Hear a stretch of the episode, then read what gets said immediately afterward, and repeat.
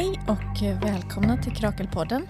Eh, nu är det Miriam som sitter här och pratar och det här är en slags eh, fortsättning på eh, det förra poddavsnittet som handlade om den digitala kapitalismens deppighet. Det här poddavsnittet utgår nämligen också från den eh, cirkel som vi har haft här under våren om livet i den digitala kapitalismen. Det är dock ett fristående avsnitt så det är inte nödvändigt för er att eh, lyssna på det första för att för, hänga med här tror jag.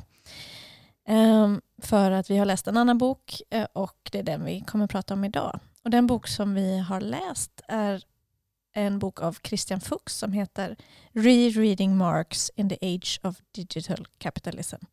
Alltså, vad kan man ha för nytta av Marx i eh, att förstå den digitala kapitalismen? Och med mig idag för att prata om detta har jag två briljanta gäster från den här cirkeln vi har haft och eh, två vassa Krakelmedlemmar. Och ni får presentera er själva. Ja, hej, jag heter Katja och har som sagt varit med i den här cirkeln. Yes, och jag heter Anna-Klara och eh, har också varit med i cirkeln. Och det är så roligt att ni vill vara här och göra den här podden med mig. Um, mm, som sagt var så utgår ju Fuchs då i den här boken ganska mycket från en, en läsning av Marx, en noggrann läsning av Marx. Det är en tunn liten bok men en rejäl eh, genomgång av eh, olika marxistiska begrepp och tankegångar som kan hjälpa en att förstå eh, den här samtiden. Och dessutom tar han också hjälp av andra mer samtida marxistiska tänkare som till exempel David Harvey och eh, Hart och Negri eh, och så vidare. Eh, och en utgångspunkt för hela boken är att ja, den här marxistiska tanken att sociala fenomen är resultatet av sociala relationer, av politik. Så att den digitala kapitalismen är inte bara en slumpartad företeelse Um, och ganska mycket utgår också Fuchs från det marxistiska eh, begreppet dialektik. Eh, genom att använda Marx så kan man liksom förstå betydelsen av mänsklig agens och av kamp, klasskamp Eh, för att förstå historien, den historiska utvecklingen, till exempel utvecklingen av den digitala kapitalismen. Eh, och historien är liksom inte determinerad, är inte bestämd, utan är resultatet av antagonismer, av eh, konflikter och kamper. Så det här begreppet dialektik då, för det kommer vi använda ganska mycket idag tror jag, det utgår från att världen drivs framåt av motsättningar. Och eh, i, i Marx då så är det motsättningar mellan olika materiella intressen. Um, så eh, grunden här är ett konfliktperspektiv där man förstår samhället genom att förstå att det hela tiden finns en spänning mellan olika intressen, olika poler. Um, så det finns liksom inte eh, eh, en version, en sak som händer, utan det, det finns olika intressen som kämpar för att eh, samhället ska utvecklas i olika riktningar och sådär. Och, eh, och det finns också en kanske mer indirekt spänning mellan um, olika poler. Så att, till exempel att det sker ett, ett konstant samspel mellan samhälle och teknik där det liksom inte är förutbestämt att teknikutvecklingen ska se ut på ett visst sätt eller att samhällsutvecklingen ska se ut på ett visst sätt utan dialektiken innebär att eh, ja, spänningen här emellan hela tiden får eh, samhället utvecklas. Var det en någorlunda förståelig beskrivning tycker ni? Ja, ja men det tycker jag. I kör, ja, då, då får jag köpa det. Um, och det leder oss direkt till det första som jag tänkte att vi skulle diskutera, nämligen teknikens dubbla sidor. Um, där ju Fuchs lyfter fram eh, både Marx teknikoptimism men också i viss mån eh, teknikkritiken. Eh, och det här blir ju Eh, centralt för att förstå den digitala kapitalismen eftersom den definieras så mycket av teknik. Eh, och Eh, vi kan väl redan nu avslöja att vi i cirkeln kanske hade mer teknikkritik än vad Fuchs har. Så att vi ska väl prata lite om det också. Men jag tänker att eh, vi, vi, kan börja med att helt enkelt försöka förklara eh, ja, grunden i den här motsättningen. Och det handlar väl om att eh, finns det, är det tekniken i sig som är problemet? Eller är det hur tekniken används i kapitalismen och vem som äger den och, och sådär som är problemet? Um, eller snarare, är det, är, det är, är just den här tekniken eh, Eh, ett utslag av kapitalismen eller är det användandet av den här tekniken som är en följd av kapitalismen? Um, mm. på det vis, man skulle kunna förenkla den frågan till att och, och, och fråga är tekniken ett löfte för oss eh, eller är det ett hot? Är det någonting som är en potential för en klasskamp eller är det eh, någonting som vi måste motarbeta? Eh, men jag tänkte vi kan väl börja med att eh, försöka lägga fram lite av den här teknikoptimismen då. Ehm, och ja, vad Fuchs ser i Marx där. Katja, skulle du vilja hjälpa mig lite med det? Ja, eh, först jag bara lägga till där då att, att eh, alltså Fuchs och som han läser Marx och även i Marx eh, så utgår han ju från, eh, alltså gör en tydlig skillnad, precis som du förklarar också, eh, mellan tek tekniken eller teknologin i kapitalismen eller utanför kapitalismen. Och att, eh, liksom, men det kommer vi komma tillbaka till. Men um, det som Fuchs ser är väl att det finns, eller via Marx då, att, att det finns, eh, det som är positivt, att det finns en emancipatorisk potential i, um, ja, men i hos maskinen då, i Max. Eh, ge, framförallt genom att den kan eh, minska ja, men i, som minska arbetstiden genom att utveckla eh, produktionskraften, alltså som produktionskraft, ju mer den utvecklas, eh, desto mer arbetstid kan man då frigöra. Mm, AI skulle eh. kunna göra en massa arbete åt oss och då skulle vi vara fria och göra andra saker med ja, tid. Precis. Um, och, att, som, och att han då säger att i, i ja, att i tekniken har liksom ingen, ingen inneboende um,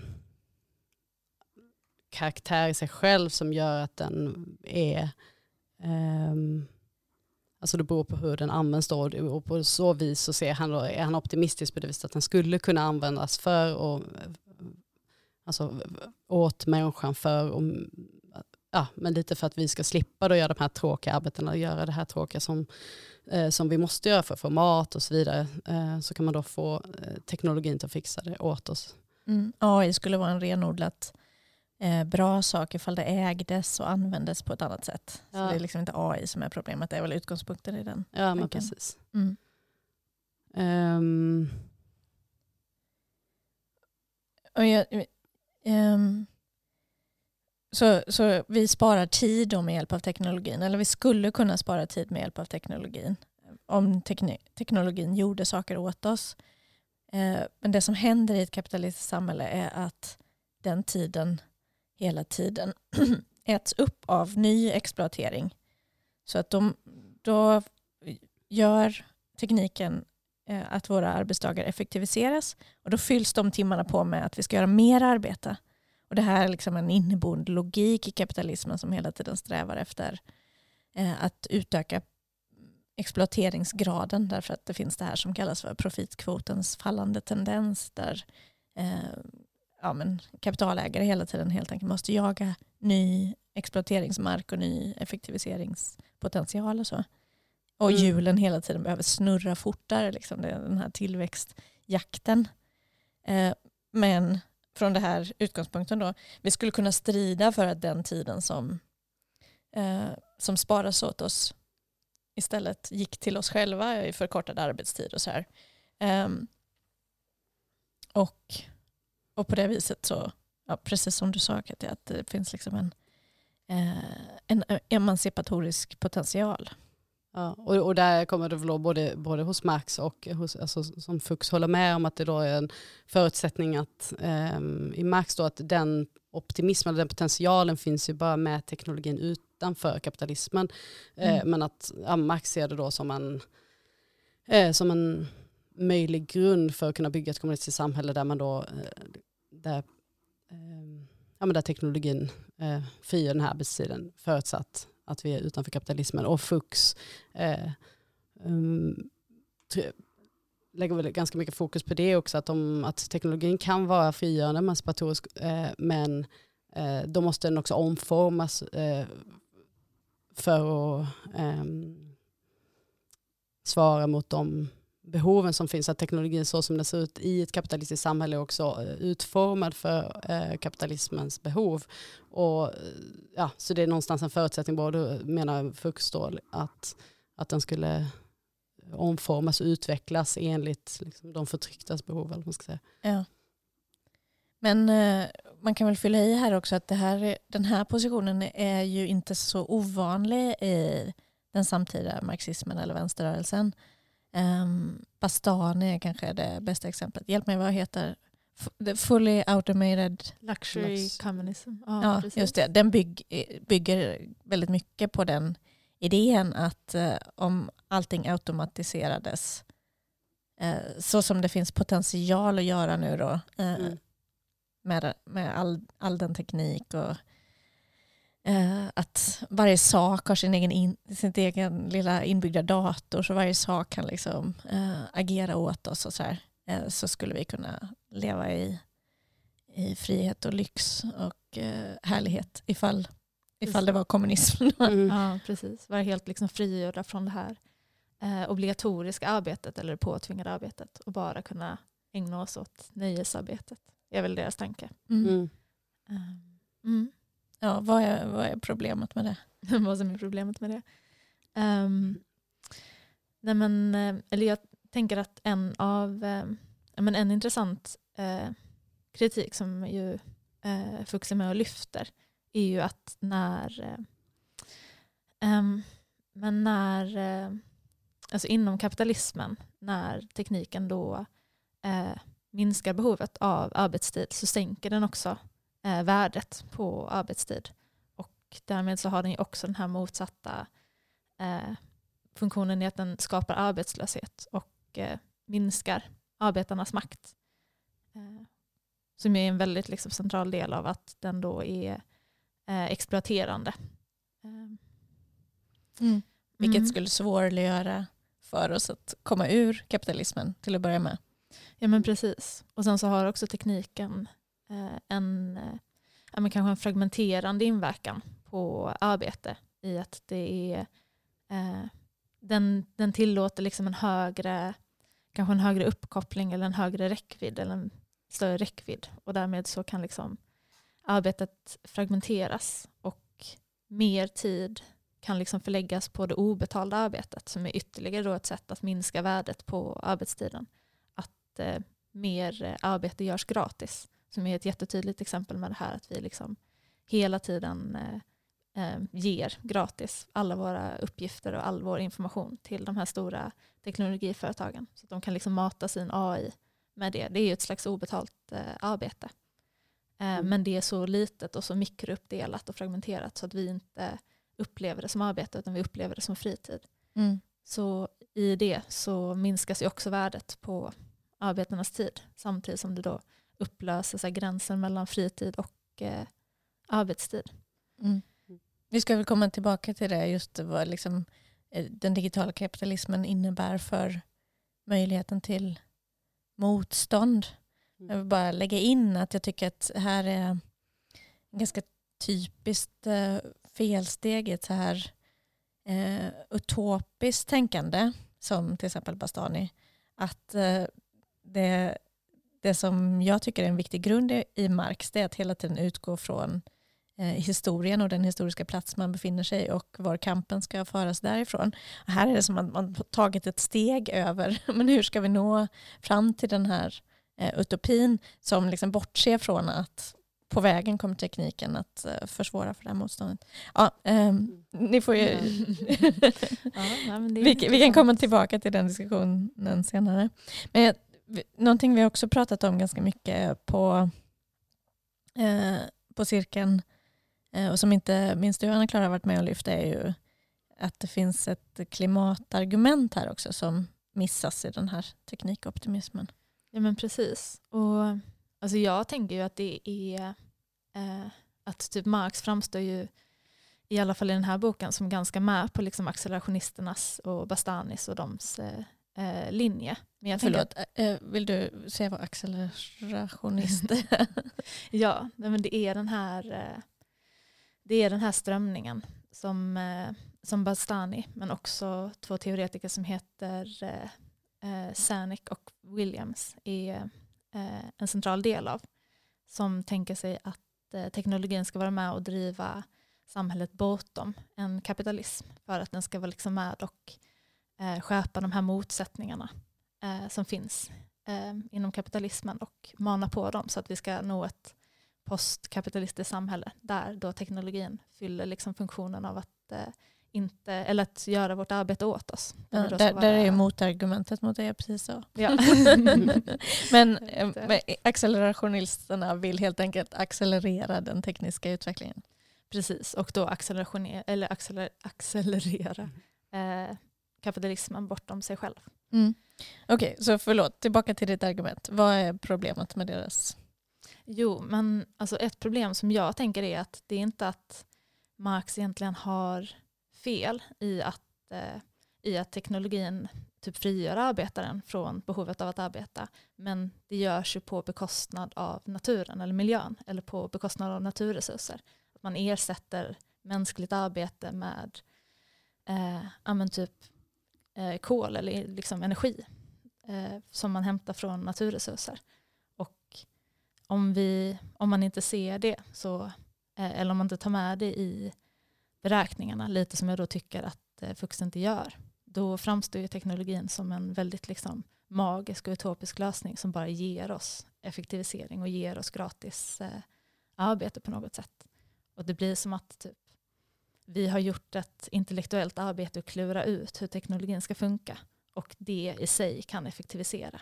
Medan eh, ja, men ur ett då kanske mer lite materialistiskt perspektiv så är det inte så, så skulle i alla fall inte jag se det som att det är så det fungerar utan jag ser det snarare som att man ersätter mänskligt arbete med naturresurser. Um, och om man bortser från det så riskerar man kanske mer då att, eh, att förskjuta belastningen eh, till andra delar av världen där teknologin kanske framförallt produceras men också eh, där arbet, dit arbete förskjuts som inte teknologin kan utföra helt och hållet. Mm. Just det. Mm.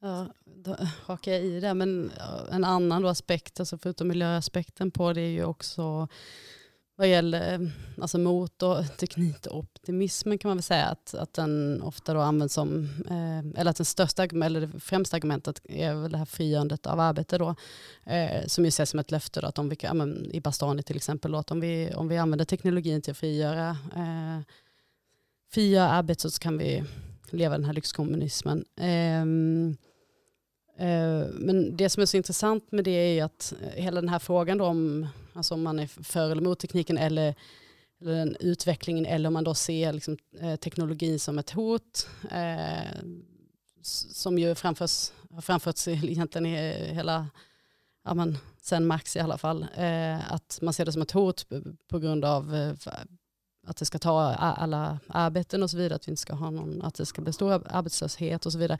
Eller då som ett löfte som i Bastani, eh, som, som en frigörelse.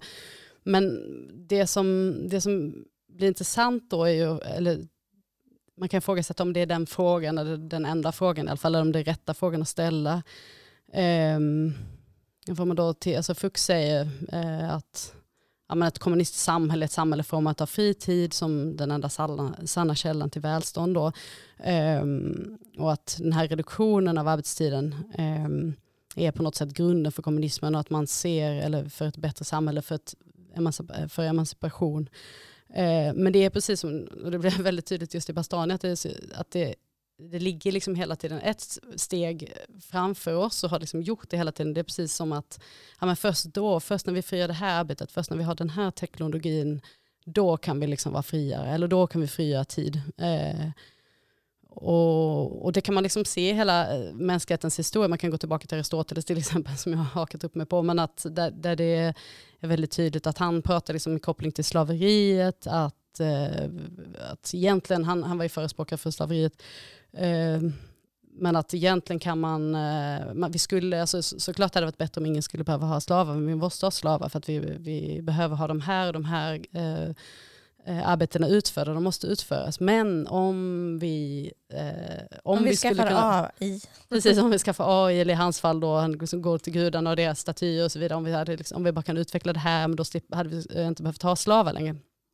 Ehm, och det är liksom lite samma med eh, alla som har det här teknologin som löfte-argumentet, att det ligger liksom det är precis som att det, har, det återkommer. Max eh, pratar också om det, alltså, i alla fall när det gäller kommunismen, även om han ville såklart så det som ett löfte utanför kapitalismen då, men det ligger liksom hela tiden eh, det är precis som att eh, det krävs ett steg till i teknolo den teknologiska utvecklingen för att vi ska kunna göra det här och att det är liksom en, en återkommande mantra på något sätt eller ett återkommande löfte istället för att tänka på att det, som, det kanske, vi har kanske svaret, eller det finns kanske redan här att frigöra tid, arbetstid, kanske, vi kanske behöver göra någonting annat för att frigöra det.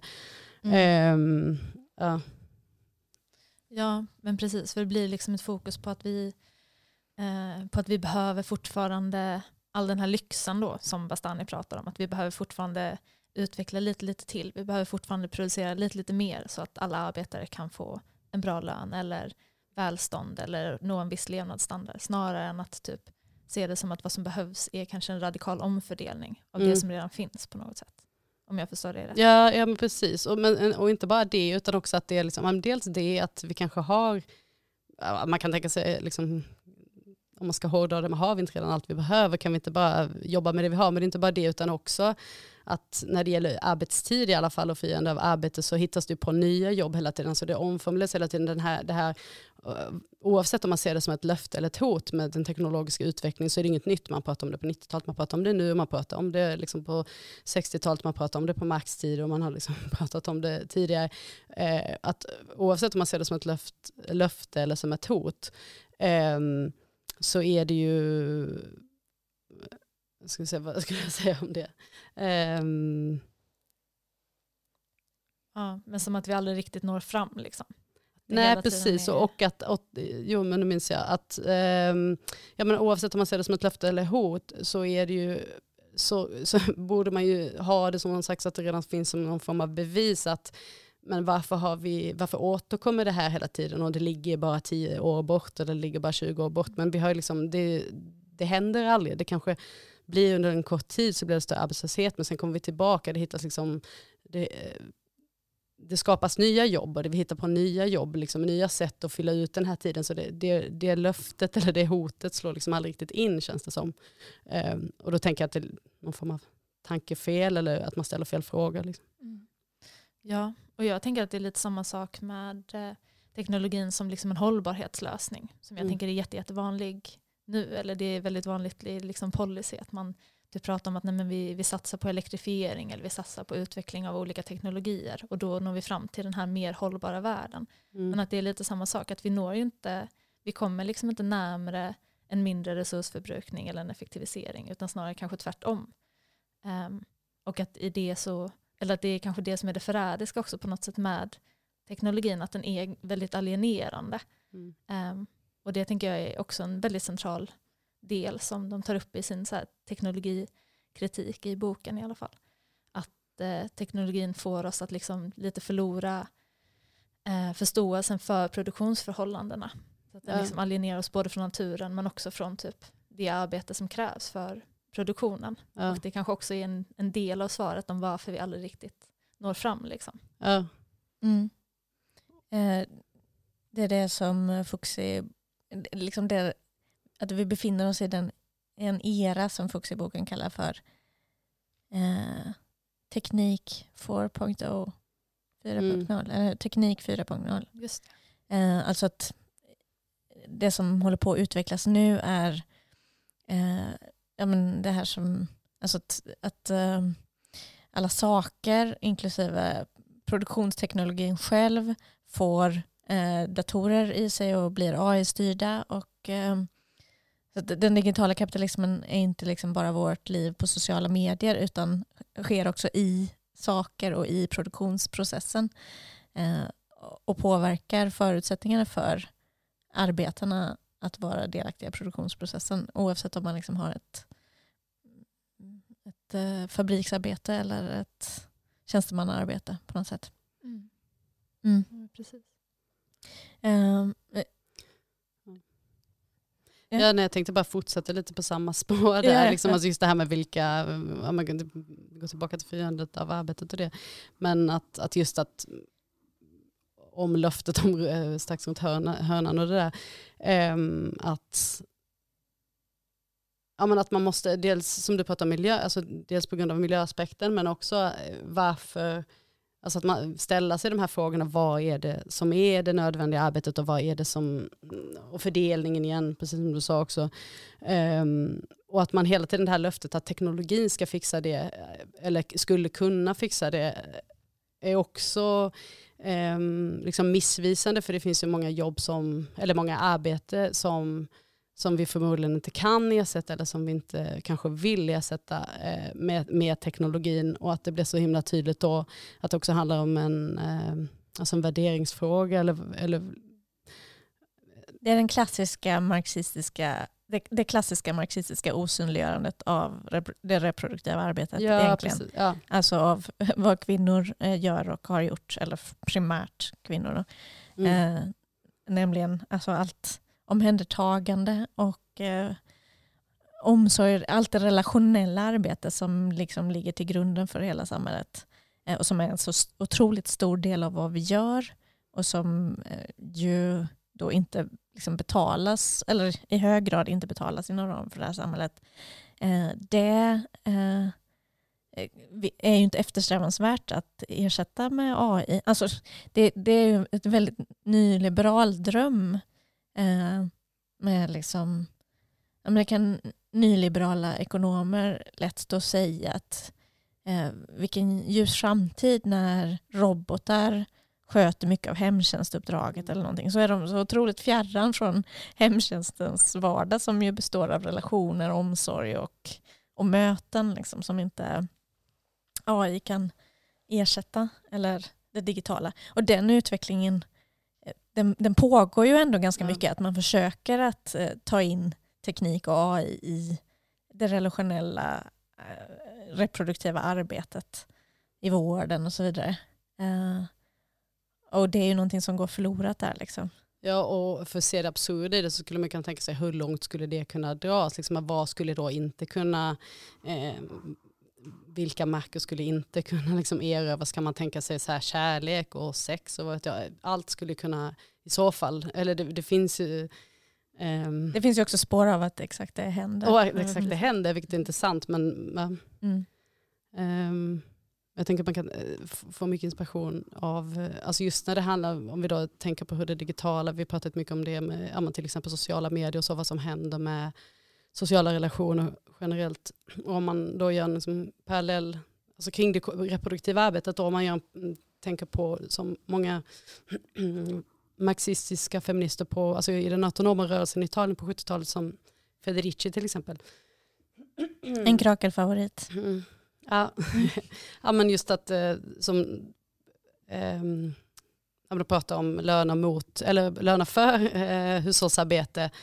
Men hon har ju en text som heter eh, Löner mot eh, hushållsarbete som just handlar om att synliggöra eh, det reproduktiva arbetet. Men, men också man kan läsa den eh, alltså för där skulle man kunna se, det har vi också återigen det här dialektiska problemet eller de här motsätt, eh, motsättningarna mellan, okej men vad händer om vi skulle eh, ge löner för allt eh, reproduktivt arbete, vill vi verkligen det? Eller, eller Eh, Eh, eller kan man då kvantifiera det, det kan vi se nu, till liksom, vill man ge löner för eh, allt omsorgsarbete? Men det som de pratar om är ju också att, ehm, och det är därför det är intressant med hennes titel, just eh, hennes skrift som heter då, eh, alltså löner mot hushållsarbete, för att det visar på att okay, men vi måste synliggöra eh, det reproduktiva arbetet för att överhuvudtaget kunna eh, motsätta oss det. Om vi inte vill liksom, fastna i hemmet eh, då, så måste vi först synliggöra det. Och det enda sättet att synliggöra att det är arbete överhuvudtaget det gör vi genom att få en lön på det. För att annars så klassas det inte som arbete fast det är arbete som hela tiden utförs och eh, plussa på kapitalet liksom som, eh, men det har inget värde för att vi förutsätts göra det av omsorg, av kärlek, det är någonting Mm. man väljer att göra så därför måste vi först göra det som, en, som ett lönearbete eller, eller åtminstone prata om det som ett, synliggöra det som ett lönearbete för att sen kunna eh, som ett första steg kunna eh, liksom, motsätta sig lönearbetet överhuvudtaget då, eh, i stora drag. Liksom. Mm. Jag tänker här också att det som händer är att den digitala kapitalismen då eh, osynliggör det reproduktiva arbetet i en högre grad. Att den liksom förflyttar vårt, vår blick någon annanstans. Eh, och, eh, och också det här försöken att exploatera eller att använda det reproduktiva arbetet som en plats för exploatering. Eh, och att det är klart att det är problematiskt då om liksom en, en marxistisk eh, take missar det här eh, feministiska perspektivet once again. Mm. Ja.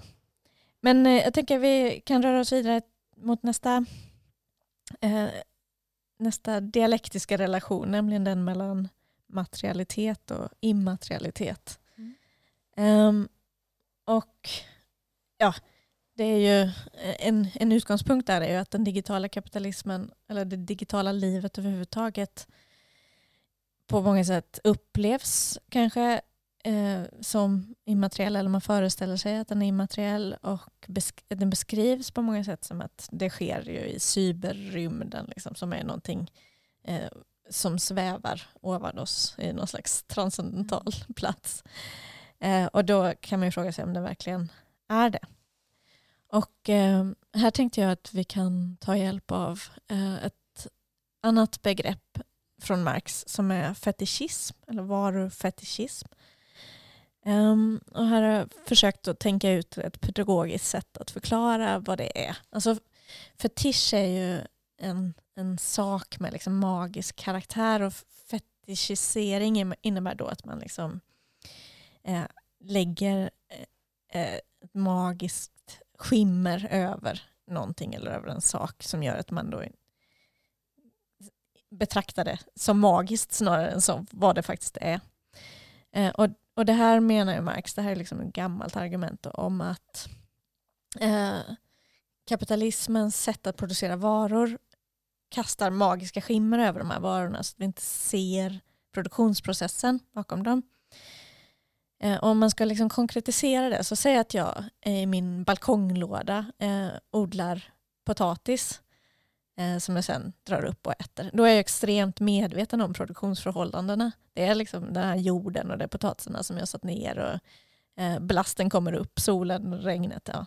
Ehm, om jag går istället och köper potatisen eh, så är ju, då är, har det direkt kommit in ett sånt här element av eh, fetischisering. Den ligger där i sin snygga påse. Eh, och det är klart att de, jag kan vara medveten om, det, det, kan ändå finnas en nivå av att jag kan förstå hur den här potatisen har producerats för att hyfsat konkret. Eh, men alla steg som har skett och allt arbete som har gjorts är ändå ganska osynligt för mig. Men sen finns det en massa saker som är betydligt mer, alltså ännu högre grad av fetischisering. Eh, och då tänkte jag på ett exempel som är eh, smink. Eh, en, en, en eyeliner. Eh, då kan jag liksom surfa runt för att ta reda på olika sätt att applicera den. Eh, och de här olika sätten kanske också korrelerar till olika subkulturer, olika uttryck för vem jag vill vara. Eh, jag kan delta i en debatt om ifall man ska använda smink överhuvudtaget som feminist. Ja, alla de här sakerna rör sig ju i eh, en, en slags eh, ideell sfär eller liksom på en, föreställningsnivå. Men jag har aldrig läst en artikel eller deltagit i ett samtal som handlar om eh, var kemikalierna till den här islanden har hämtats, vem som har blandat dem, vem som har förpackat dem, vem som har transporterat dem till affären. Allt det där är väldigt osynligt för mig.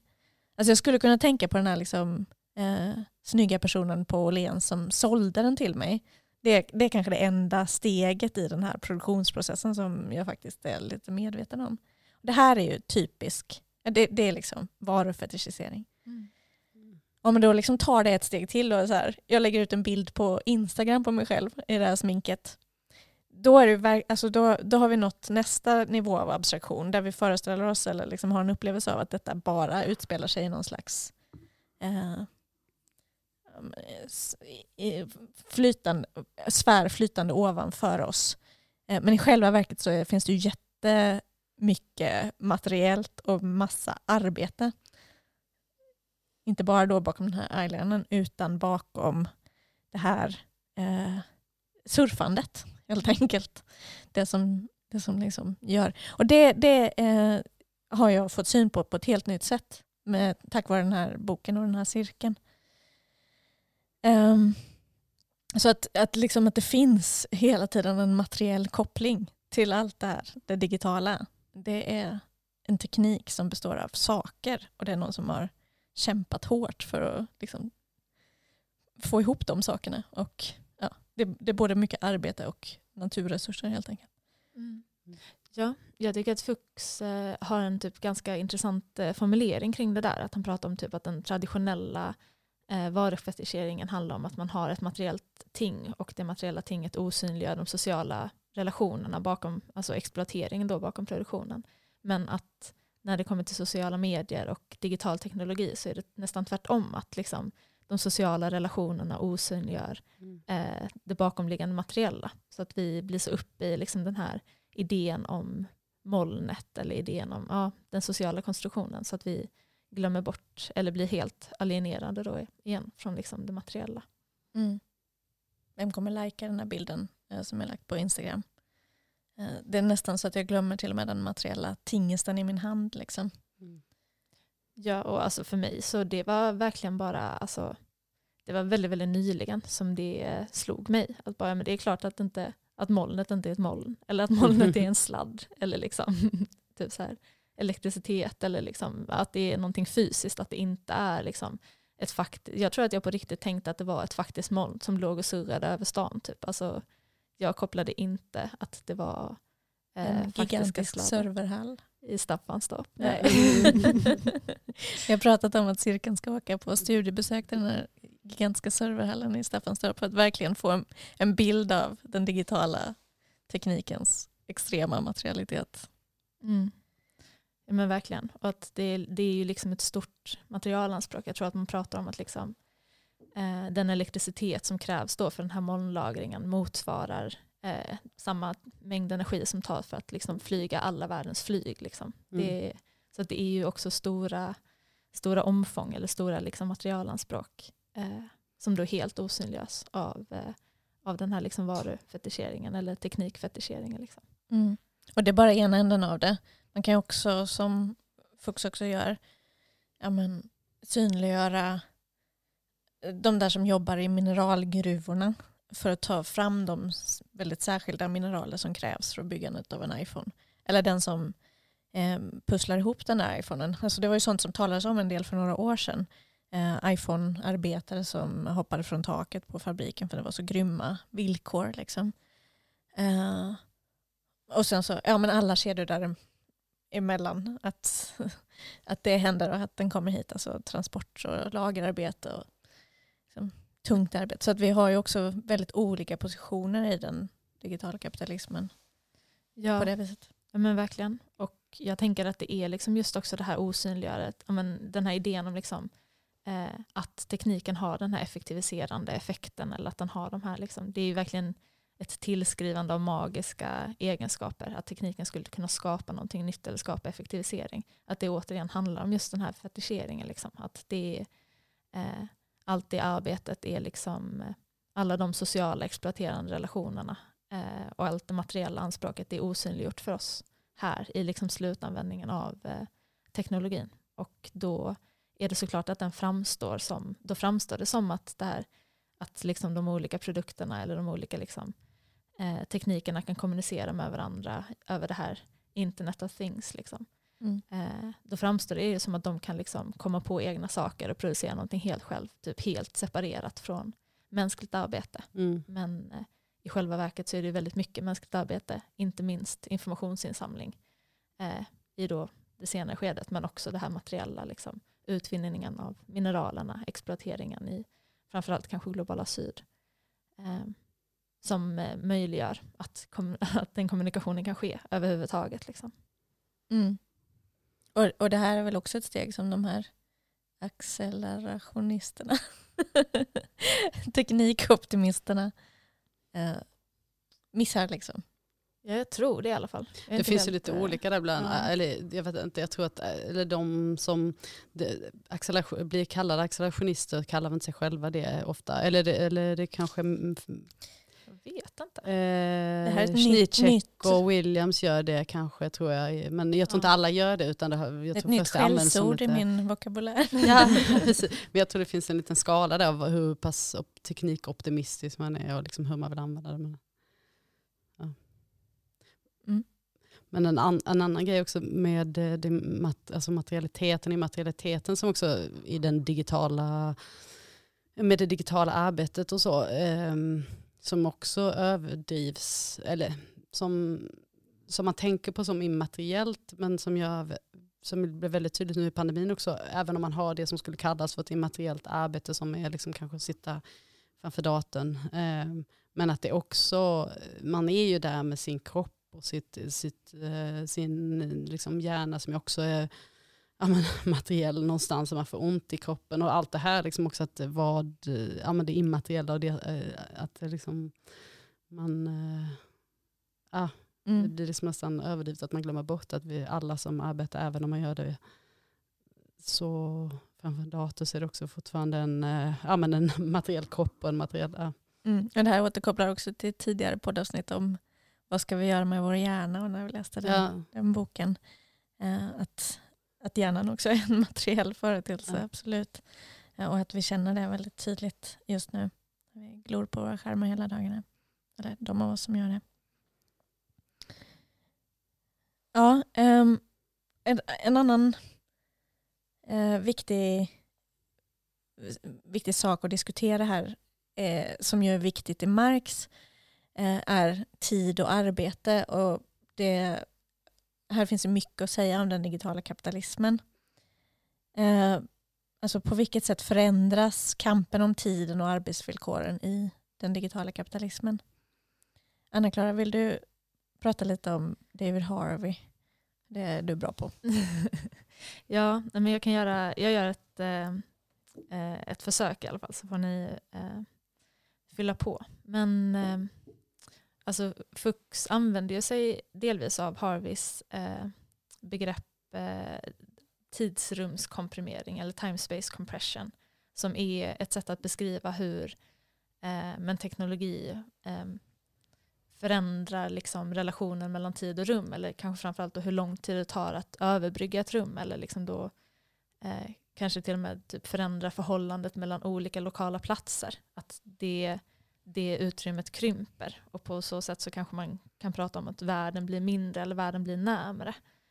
Um, och uh, man kan förstå det som att teknologin både har den funktionen i att, göra, att liksom, uh, möjliggöra den här processen av att krympa uh, eller komprimera tidrummet. Men, alltså till exempel att det går mycket fortare att resa mellan olika ställen eller att frakta varor mellan olika ställen. Eller så. Ja, och kanske ännu Idag. mer då att liksom, ja, men kanske ännu mer att Eh, eh, med kommunikation. Jag tror att kommunikation är en jättecentral del av det, att man kan samordna olika liksom, arbetsprocesser eller produktionsprocesser eh, på ett sätt som man inte kunde göra tidigare. Eh, och det är ju teknologin verkligen eh, en del av att möjliggöra. Men samtidigt så är teknologin också ett, man kan liksom se det som ett så här förkroppsligande eller liksom en materiell produkt av den här liksom tidsrumskompressionen för att det är eh, bokstavligt talat liksom tid och rum sammanplockat från olika delar av världen i en enda liten dator eller liksom teknik. Mm. Eh, och eh, vi pratade i Ammunisekan om typ så hur olja är ett jättetydligt exempel på det där. Att olja är liksom, har varit en jättecentral eh, eh, del av att möjliggöra den här liksom tidsrumskompressionen för att den, eh, den har tillåtit teknologin att inte vara platsbunden längre. För tidigare så var eh, energikällor, det var kanske vattendrag, kanske främst, eller skog, eller sådana saker som har varit svåra att transportera. Men när oljan kom så liksom frigjordes teknologin på ett annat sätt, eller produktionen, från eh, en bestämd lokal plats.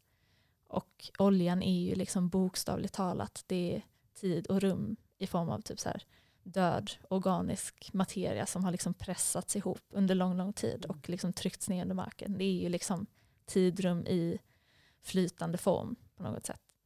Um, och, och förlåt en ledande fråga, men mm. vad är problemet med det här?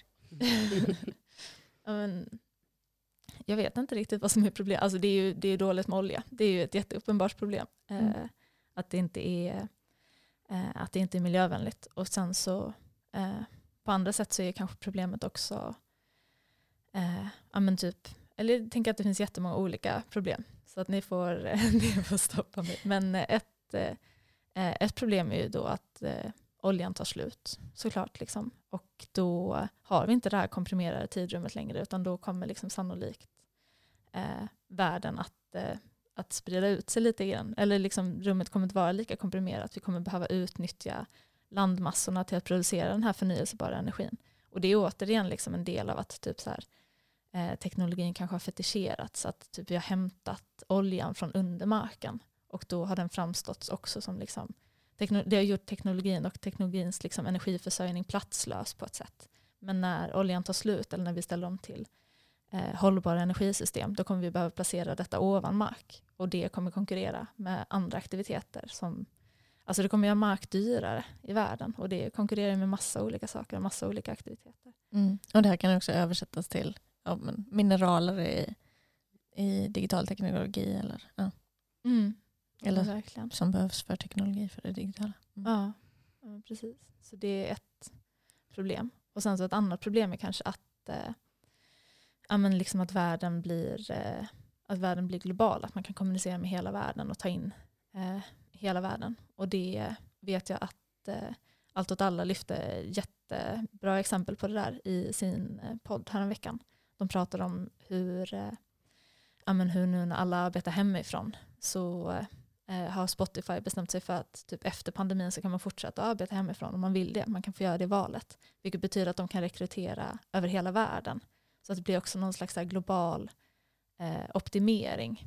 Eh, som också då hör ihop med liksom, ja, men dels då en optimering av typ, eh, expertkunskap men också en optimering av typ vart, utför, ar, vart utförs arbete till lägst pris eller mest effektivt och hur kan man liksom fragmentera upp produktionskedjorna till att bli som mest, mest effektiva. Precis, så det låter väldigt härligt där tänker jag. På ett sätt komprimera tid och rum globalt, vi kan vara överallt och så. Men eh, när detta händer i kapitalismen så är det eh, möjliggör det helt nya arenor för exploatering eh, av oss. Um, och eh, konkurrensutsättning av arbetare över hela världen. Jag tänker det här med Spotify, eh, vi kommer ju säkert se en, en gigantisk utveckling av att det sker eh, hos väldigt många globala arbetsgivare och sådär. Och, och, eh, ja, och det kommer ju att, att få väldigt tuffa konsekvenser tänker jag för den globala arbetarklassen som arbetar just i, med digital, digitala tjänster och olika saker. Ja. Ja och sen även, jag tänker just med arbets, eh, alltså komprimeringen, tidskomprimeringen av arbetet. Återigen som blev väldigt tydlig i pandemin, eh, att alla de här mellanrummen kan försvinna liksom på ett eh, väldigt effektivt sätt och att varenda sekund kan tas bort. Liksom. Det, det slipper liksom um, all fika eller all liksom, transporttid eller allt, uh, vad vet jag, snack, uh, all det här fysiska mell mellanrummen som där man kanske kan se lite glimtar av liv mm. eh, försvinner då. Att man, kan, att man, som du sa, återigen i kapitalismen i alla fall, så blir det liksom att då, då finns det intresse av att ta bort all tid som inte är producerande, eller all, all form av Eh, alla former av utrymmen, liksom både tid och rum, som inte, som inte är effektiva eller som inte bidrar till någonting. Liksom. Mm. Och det leder oss eh, mot det här med hur eh, både vår tid och vårt arbete suddas i kanterna på ett helt nytt sätt i den digitala kapitalismen. Mm. Eh, som vi pratat ganska mycket om på cirkeln. Vill du säga något om det Katja? Ja, Ehm, ja men precis, ja, men det har väl dels lite med det då att, att, ehm, att gränserna för vad som blir ehm, vad som är, alltså det är så att de här mellanrummen försvinner. Och med mellanrum då menar jag den, ja, både, både tid och, och rum. Eh, där arbete inte utförs. Men sen är det också, om man tittar på till exempel, ja, men som vi har pratat om, sociala medier ganska mycket som ett exempel, eller ett lätt exempel att ta. eh, där, um, där man kanske inte ser det som där man inte har något arbete. Det finns ju folk som arbetar med att utforma sidor, Facebook-sidor till exempel, eller andra sidor som ett arbete så, men de flesta använder sig av sociala medier ändå, inte som ett arbete, men det blir inte så himla tydligt att man, samtidigt som man är på sociala medier till exempel, så kan, så um, så man konsumerar även om man inte betalar för det, precis som Fuchs pratar man betalar inte eh, för tjänsten, men du konsumerar ändå någonting där, du konsumerar ändå tjänsten. Eh, och du producerar utan att få betalt. Och du producerar utan att få betalt och du är också liksom produkten någonstans. Eh, att, att det blir, och naturresursen. Och naturresursen samtidigt, mm. precis. Och vilket, vilket gör det svårt att, att det då om man då liksom zoomar ut igen, att det digitala blir liksom att det är det är både um, arbetsmiljön eller det är både där man, man behöver det eller man är tvingad till att använda sig av det för eh, att arbeta. Men, men det är också där man har sitt sin fritid, där man har sina, sina nöjen, man är produkten, man, man konsumerar det och man, och man arbetar samtidigt. Att alla de här gränserna håller på att suddas ut, vilket gör det också väldigt svårt att, vi, när, vi, när man pratar om olika möjligheter eh, till motstånd, så hur gör, vi liksom för, hur gör man motstånd mot, eller hur ska vi förändra det digitala för Eh, eller hur kan vi göra motstånd i det digitala? Att det blir så himla svårt eftersom att om man tänker sig tid, om man går tillbaka i tiden i alla fall från vårt perspektiv, i vår eh, tid så det, känns det mycket lättare att se en tydlig arbetsplats där man, eh, där man stämplar ut, eh, om man ska ta liksom ett klassiskt fabriksexempel, om man stämplar ut och sen när man liksom ledig och då är den arbets, avgränsade fysiska arbetsplatsen ett så tydlig arena för kamp. Eh, och när man är hemma så är man hemma, då, nu sätter jag det reproduktiva arbetet inom parentes då, men, eh, om man ska bara förenkla det.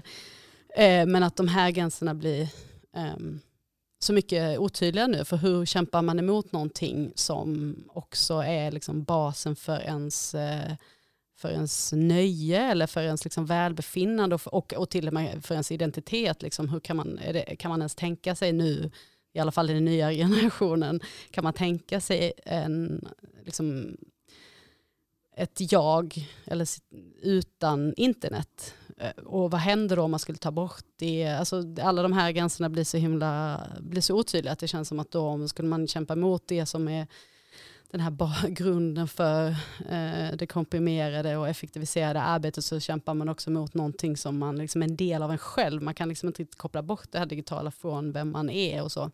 Mm. Um, ja. Mm, ja, Precis, jag tycker liksom de här teknikkritiska ståndpunkterna som vi för fram, det är lätt att hamna där. Eller det, jag tycker att vi har goda teoretiska argument. Då är vi återigen tillbaka till det här, men hur, hur skulle man kunna driva en sån kamp i den här tiden eh, där alla är helt beroende av den där lilla saken som man håller i handen. Mm. Um, att uppenbarligen har våra förutsättningar för motstånd eh, på många sätt för, försvagats. Dock ska ju säga så, det lyfter ju Fuchs fram och det är liksom ett resultat av eh, också ett dialektiskt tänkande. Att det är inte bara så, på vissa sätt har våra förutsättningar för motstånd också skärpts. Alltså vi, vi kan till exempel kommunicera globalt på ett helt nytt sätt som gör, möjliggör globalt motstånd eller som möjliggör politisk organisering med tid, rum, komprimering. Um, så det finns ju den aspekten också men just, det, det, finns ju verkligen någonting där i det här utsuddade, uh, utsuddade livet där det inte finns klara gränser mellan arbete och fritid, vare sig i tid eller rum. Uh, och inte ens i vad är, vad är produktion, vad är konsumtion, vad är bara varande och relationer. Mm. Det där rör sig i en grötig massa. Liksom. Mm. också att det finns en eh, ja, men i hela det också så känns det som det, jag, jag har lite svårt hela tiden att se vad kommer först. Och det är samma fråga igen, vad är det som är det teknologin som påverkar de här förhåll, eh, sociala förhållandena, de sociala förhållandena och liksom kapitalismens utveckling som, som påverkar eh, teknik. Alltså jag tänker väl att det är både och, och det är lite svårt när man är mitt i det och se, alltså på avstånd. Det, jag tycker det är väldigt, väldigt svårt att veta vad som kommer först, liksom, vad är det som påverkar vad. Uh, såklart är det både och. Men, men jag, jag, tänker också när det gäller det här med att gränserna suddas ut och arbetet och så, att det också är så tydligt i vår tid nu att det som tidigare har varit en liksom extern, vad ska man säga, en extern, ja, men ett yttre tvång, har nu alltmer gått över till, i, alltså det känns som att det blev väldigt tydligt i den, i den digitala miljön, att, att det går liksom över till en ja, men själv, ett, ja, men självexploatering på ett helt annat sätt. Att man använder det här för att man vill och det och det liksom, de gränserna, där suddas också ut vad man gör som är arbete för att man faktiskt, eh, för att man faktiskt vill.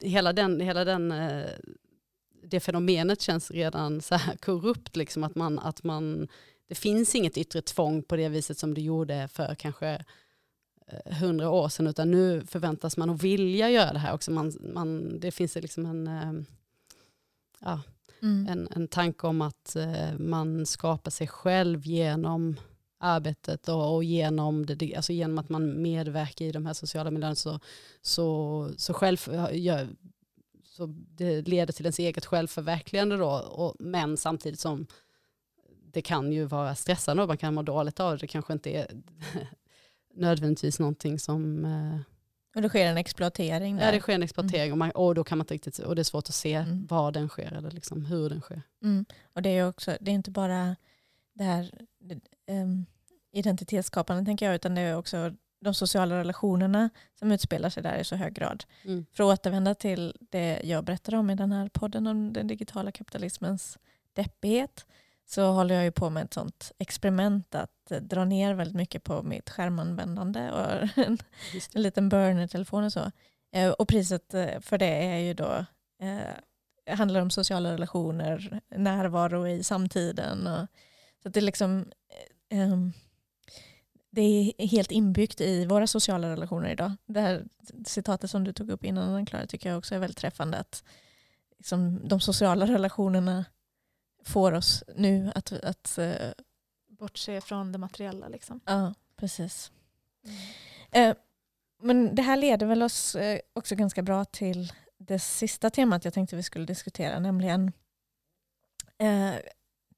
ja, är det här som vi pratar om med den digitala kapitalismen, är det, ja, det är kapitalismen helt enkelt, mm. nu i ny form, eller är det någonting helt annat, en helt ny fas av kapitalismen? Eller hur kan man förstå det som ja, någonstans mellan de två eh, polerna? En ny form eller en ommålad fortsättning på precis detsamma. Um, ja, vad, vad, vad, säger du Anna-Klara? Du ska börja. Alltså jag, för jag vet att vi pratar om den här frågan på Seken också. Och då minns det som att jag var jätte gick ut jättehårt och bara det är kontinuitet, frågor på det, nej, nu går vi vidare. Um, och på ett sätt så tror jag att det är, alltså att jag känner, det är nog fortfarande ganska mycket så jag, uh, så jag känner. Eller jag tänker lite på det som du pratade om uh, nu, att liksom var börjar teknologin och liksom exploateringen eller vad, och vad är sociala relationer? Att jag tänker att liksom, man kan också förstå uh, teknologi och eh, sociala relationer som väldigt sammanflätat och som att teknologi är liksom kanske eh, såklart delvis liksom den här fysiska teknologin men det är också en, en benämning på ett exploaterande fenomen som jag tänker eh, finns inom kapitalismen. Och att lite som vi var inne också på med spatial fix att teknologin är liksom bara eh, det är bara kan också ses som bara ytterligare ett uttryck för att typ kapitalismen rör sig mot en kris eller mot en liksom eh, överproduktion, tror jag. Eh, eller vad det nu är, en resursbrist eller undergrävande av eh, sina egna produktionsbetingelser. Och i det så måste man hitta nya eh, arenor för exploatering eh, och ta i anspråk nya delar av liksom, eh, livet eller naturen eller det sociala.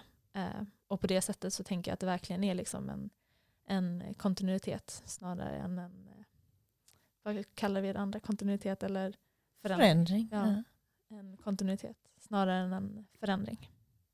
Mm. Vad säger Katja? Ja, men jag håller väl lite med. Alltså min magkänsla går ju alltid också mot eh, kontinuitet. Jag tillhör det också. Men eh, alltså jag tänker väl att det är både och helt enkelt. Eller så trist. Men, ehm, ja, men jag håller med allt det du sa, Anna-Klara, precis. Ehm, men, men att det är klart att det finns en förändring i det Alltså kontinuiteten är att det hela tiden hittar nya sätt och de påminner liksom om de andra, eh, andra sätten. Eh, alltså kapitalismen hittar nya sätt för att liksom utnyttja det här för att kunna optimera, ja, man, eh, optimera det hela tiden. Men att i det är det ju, så, och det är nytt, det nya sättet att optimera är nytt liksom, men, men tendensen är liksom samma på något sätt. Men det nya annars, eller det som jag känner är förändring är väl eh, eller förändring eller bara en um, intensifiering beroende på hur man ser på det. Liksom en, um, ehm, ja, snarare kanske skulle jag säga intensifiering då, men att det blir så himla tydligt att um, med de sociala relationerna att de blir allt mer kopplade till, uh, till någonting som är um, ja, man, nytto, nyttoskapande. Liksom. Och det tycker jag, ja, men, även ja, men, sådana fenomen som Tinder till exempel, tycker jag är så himla tydligt, tydliga exempel på det. Alltså, när, när någonting, alltså dels är det återigen en, så här, en plattform som tjänar pengar och så vidare. Och men också att hela liksom, sättet är uppbyggt på hur man ska hitta partners och, och så. Att det, att det också finns en nyttoaspekt i det. Liksom, att man väldigt gärna vill, det är liksom kvantifiering, det är kategorisering, att man liksom ska hitta någon som är så lik som möjligt. Och det, inte ens där ska man heller förlora tid på att liksom, eh, hitta fel. För att det är bäst liksom att så många boxar som möjligt stämmer så att man liksom inte tappar tid. Och det, och det känns som um, ja, men, det är liksom nytt eller åtminstone intensifierat känns det som. att, att... Och det där kan ni lyssna om ni vill fördjupa er i det kan ni lyssna på avsnittet om kärlekskapitalismen. Mm. Snyggt hur vi binder ihop. Eh, nej men, ja, nej men jag hör ju vad ni säger och det är väl goda argument. Men jag skulle ändå vilja kanske då slänga in eh, några argument för varför man kan se det som en förändring. Eller varför, varför det kan vara ett givande synsätt. Eh, för att även om logiken är samma så så är det tillräckligt mycket som har förändrats för att vi skulle kunna behöva skriva om sättet vi bedriver kamp på. Och, mm. ja, eh, förutsättningarna för kamp helt enkelt har förändrats. En sån sak är ju att vilka det är som tjänar pengar på oss har förändrats. Alltså att klassammansättningen ser delvis olika ut. Eh, och eh, är mer komplex kanske på ett, ett ytterligare nytt sätt. Eh, så vi lever på nya sätt och har sociala relationer på delvis nya sätt. Eh, och ja, våra, de upplevelser som vi har idag av att befinna sig i kapitalismen är delvis eh, och tillräckligt mycket annorlunda än vad de kanske har varit liksom innan digital teknik och det digitala livet. För att det i grunden ska kanske förändra hur vi måste ta oss an kampen eller så. Och organisera den. Ja, nej, men jag tänkte, det är klart att det, och det återkopplar också till det här, just de utsuddade gränserna mellan vad som är vad, alltså det, vilket gör att det blir svårt att föra en kamp, för samtidigt som du för en kamp mot någonting som så är det också där du har ditt liv. Det så? Att, att det någonstans det är svårt att separera då, att ja, och att det gör att det, mm. det blir svårt att föra kamp, vilket då blir ganska mm. nytt. Så sätt. Ja, men också att det kan finnas en poäng i att föra en kamp på och om de digitala arenorna. Mm. är väl ett argument som också som, som båda de här författarna som vi har läst, Lofink och, och Fuchs, pratar om. Att liksom skapa digitala commons och på olika sätt försöka erövra den här tekniken. Um, utan att för den skull fetischisera allt det som händer där bakom. Eh, men, men ändå som, ja, men som ett, ett sätt ett steg att ta oss från där vi befinner oss idag och framåt. Mm. Och, och, kanske också i det också acceptera, eller acceptera, att det är, liksom inse också att det är ju en del av det som man inte kan ta bort, att det är en del av oss nu och då får vi liksom hantera det på något sätt. Mm. Ja, men precis, för att jag tänker ändå att eller känner mig, jag känner mig personligen som en väldigt stark liksom, teknikmotståndare, i alla fall teoretiskt. Um, men att typ, även jag känner att jag har fått liksom, eh, inse någonstans att men det finns ju en massa alltså, kanske mer då kvalitativa egenskaper som teknologin har som vi människor inte besitter. Att det så här, den omförhandlar vår relation till naturen och gör att vi kan liksom, utföra avancerad hjärnkirurgi eller vad det nu kan vara. Liksom. Och det kan inte vi göra utan den. Men att man kanske då ska vara försiktig snarare liksom att falla in i den här idén om att det kan effektivisera arbete mm. eller att det kan spara arbete. Men man kanske får eh, i slutändan embrace att den kan göra andra kvalitativa saker. Det finns en nytta med teknologin. Och det här för oss väl tillbaka till det här eh, marxistiska begreppet dialektik. Att, eh, att förstå världen som motsägelsefull och full av motsättningar eh, gör också att vi kan se på den digitala tekniken på det mer komplexa sättet, eller på teknik överhuvudtaget på det mer komplexa sättet, att det har både en exploaterande och en emancipatorisk potential. Um, och det, ja, det jag vill också framhäva det som ett värde med den här boken, att den verkligen liksom tar, fra, tar fasta på det här med dialektiken som, gör, som också innebär möjligheten för mänsklig agens och för att ja, eh, har vi kommit till den här platsen på grund av utvecklingen i sociala relationer och utvecklingen i konflikter, då kan vi också ta oss härifrån med hjälp av sociala relationer, med hjälp av eh, att driva eh, konfliktlinjen. Eh, och att det gör, också det, det gör det också meningsfullt att vi sitter inte fast i detta. Det är, inte, det är inte en hopplöshet i den här situationen. Utan det finns hela tiden arenor där man kan förflytta positioner och bedriva kamp. Eh, också i, i det här trista digitala livet. Ja, och då förutsatt att man, att man inte ser det som att tekniken kommer automatiskt fixa det åt oss, utan att det faktiskt finns en, alltså att man använder den då för någonting som man formulerar eh, först, liksom, vad vill vi och hur kan vi då använda teknologin så att det inte blir tvärtom som i Bastani till exempel. Eller att man liksom lägger sig himla mycket hopp och agens till teknologin och inte tvärtom. Liksom att man försöker formulera vad vill vi faktiskt. Liksom. Vad, mm.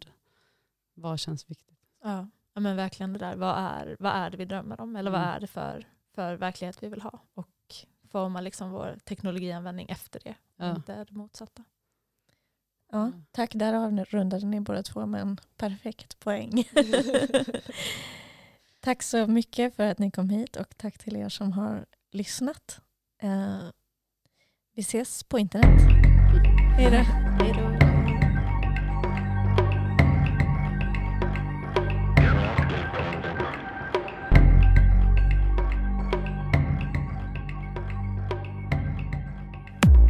Du har lyssnat på en podcast som görs i samarbete med ABF Malmö.